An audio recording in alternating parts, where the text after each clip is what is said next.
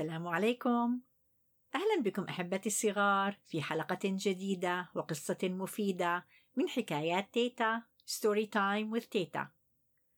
أنا تيتا أمل وقصة اليوم سوف تكون من جزئين أي حلقتين. اليوم الحلقة الأولى من القصة. من منا لا يحب الألعاب الإلكترونية؟ ولكن هل فكرتم يوما ما هو تأثير هذه الألعاب الإلكترونية على عقولنا وأجسادنا؟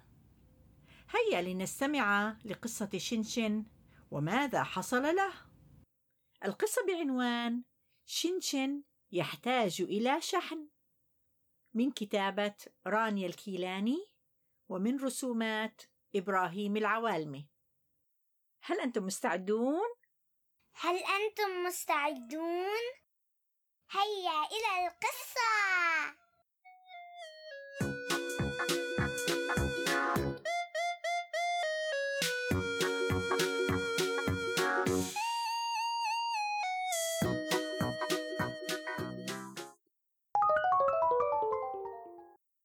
ماما أحتاج إلى بطاقة شحن لعقلي كشف شنشن عن ذراعه كي ترى أمه كم بقي له في مؤشر الشحن؟ فقالت له أمه آسفة لذلك يا شنشن. لن تتوافر بطاقة أخرى حتى نهاية الشهر. ماذا؟ لن يكفيني هذا الشحن لمدة أسبوع آخر. كيف سأستخدم الأجهزة والألعاب الإلكترونية باقي الشهر؟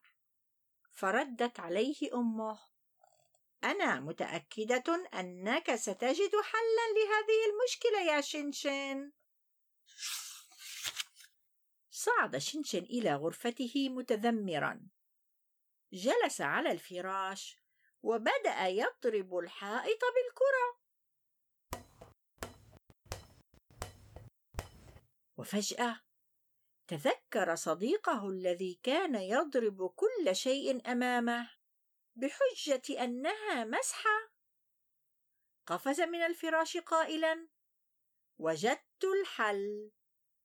سأذهب إلى صديقي نيفو فهو لديه دائما بطاقات شحن إضافية. فأهله لا يرفضون له طلبا مهما كانت قيمته المادية. سار شنشن تحت المطر. ولم يبال بأي خطر. فقرار زيارة نيفو العنيف. أمر يحتاج إلى بطولة. المهم عنده أن يحصل على بطاقة شحن مجانية ويدخل في اللعبة الإلكترونية.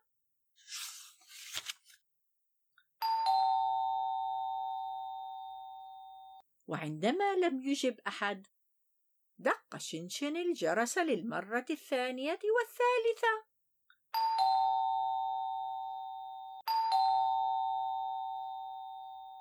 فسمع صراخا من خلف الباب. يصل إلى الكواكب والمجرات.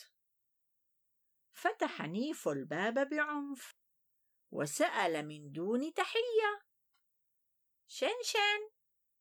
ما الذي جاء بك في مثل هذه الأحوال الجوية؟ أجابه شنشن وكله ارتباك. لطالما كنت تطلب مني أن أزورك ما الذي أنساك؟ ضرب نيفو جبينه بيده قائلا أخ لقد نسيت كالعاده فحين أدخل في جو اللعبة أنسى الطعام والواجبات المدرسية. واي مهام بيتية. يمكنك الدخول والانضمام إلي.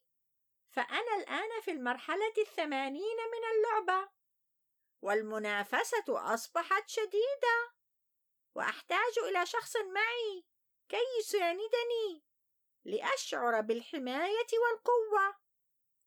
لكن يا نيفو ليس لدي بطاقة شحن كي أشاركك اللعبة. لا تقلق يا شنشن، عندي بطاقة إضافية، يمكنك أن تعتبرها هدية. وعندما مر بالقرب من القط الذي كان يغط في نوم عميق اقترب منه نيفو بهدوء شديد. ثم أطلق صوتا عاليا فأفزع القط المسكين. بو! فزع شنشن وشعر بالخوف. ليس من شدة الصوت فحسب بل من قرار الزيارة. لكن لا مجال الآن للمغادرة. فحين يبدأ نيفو بتحميل اللعبة فمن غير المسموح لأحد بعدها بالمقاطعة. قال نيفو خذ هذه البطاقة لتشحن عقلك بالطاقة. أدخل شنشن البطاقة إلى عقله وانضم إلى نيفو في اللعبة. بدأ نيفو بالصراخ والشتيمة. توتر شنشن في بادئ الأمر. من أسلوب المطاردة والمباغتة في اللعبة. ولكن لم تمر دقائق حتى بدأ شنشن بالصراخ على اللاعبين. داخل الشاشة وبتوجيه الشتائم لهم. عند انتهاء اللعبة رفس نيفو الجهاز بقدمه وبدأ غاضبا جدا بسبب خسارته. قرر شنشن أن يغادر قبل أن تتأزم الأمور عند نيفو ويتحول القتال من افتراضي إلى واقعي ومباشر. في طريق عودة شنشن إلى البيت. تخيل نفسه لا يزال في اللعبة. فبدت له علبة المشروبات الغازية الملقاة في الطريق. قنبلة. فرماها على قطة. ثم دفع باب البيت بقوة. كأنه اجتاح قلعة. وعندما دخل المطبخ أخرج لوحا كبيرا من الشوكولاتة ومزق الغلاف بعنف ورماه على الطاولة ثم أكلها كلها للحصول على الطاقة كما في اللعبة.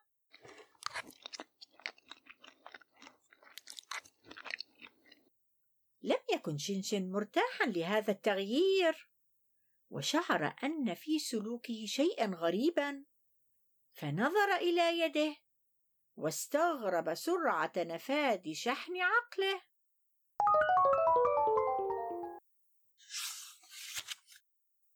في اليوم التالي وصل شنشن إلى بوابة المدرسة. وإذا به يفاجأ بلكمة على كتفه من الخلف استدار ليرى من سدد له الضربه وإذا بنيفو يقول له مازحا لو كنت في اللعبة لأصبحت الآن في عداد الموتى. تعال إلى بيتي اليوم لنبني حصنا ولأدربك على أسلوب المباغتة والانتباه لما حولك من إشارة. والغريب والمضحك في الأمر أن نيفو ماهر جدا في اللعبة لكنه على أرض الواقع. لا يستطيع أن ينتبه للافتة مكتوب عليها. احذر أمامك حفرة.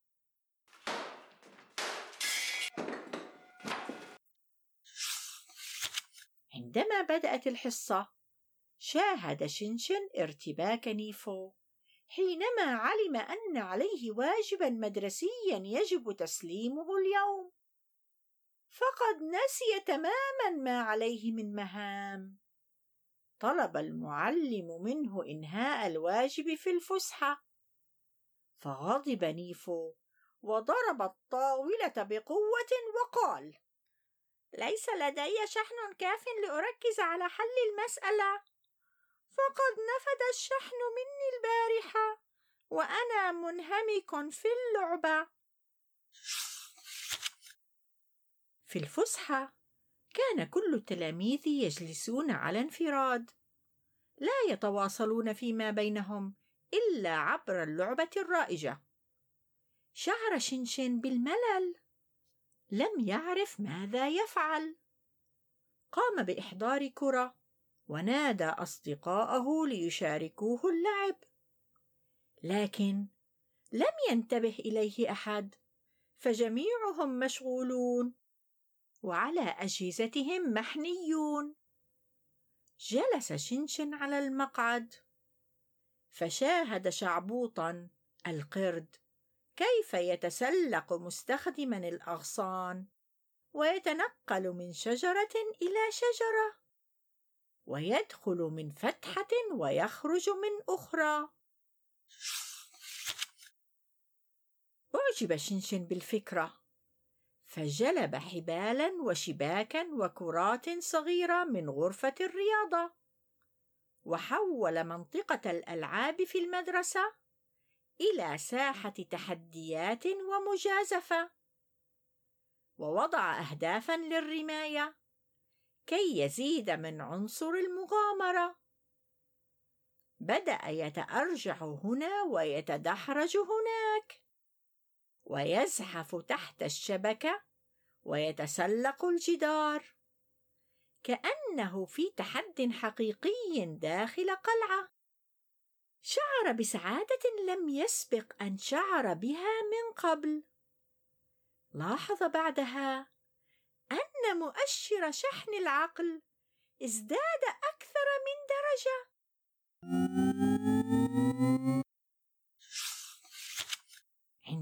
عوده شنشن إلى البيت. دخل راكدا إلى أمه وقال ماما عرفت كيف أشحن عقلي من دون أن أستهلك بطاقة شحن. وأنتم أحبتي الصغار هل اكتشفتم كيف شحن شنشن عقله وزاد من طاقته؟ هل حزرتم؟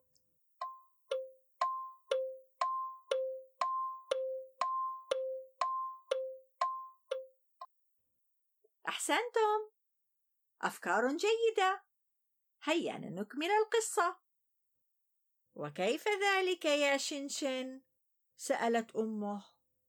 عشت المغامرة والتحدي واقعا وليس افتراضيا كما في اللعبة. عظيم يا شنشن. أتمنى لك المزيد من الاكتشافات. ثم قامت من مقعدها. ووضعت الكتاب الذي كان بين يديها داخل صندوق خشبي قديم مزين بنقوش جميلة. ترى يا أصدقائي هل تعرفون أيضا ماذا في هذا الصندوق؟ انتظروني في الجزء الثاني من الحكاية. شنشن يحتاج إلى شحن.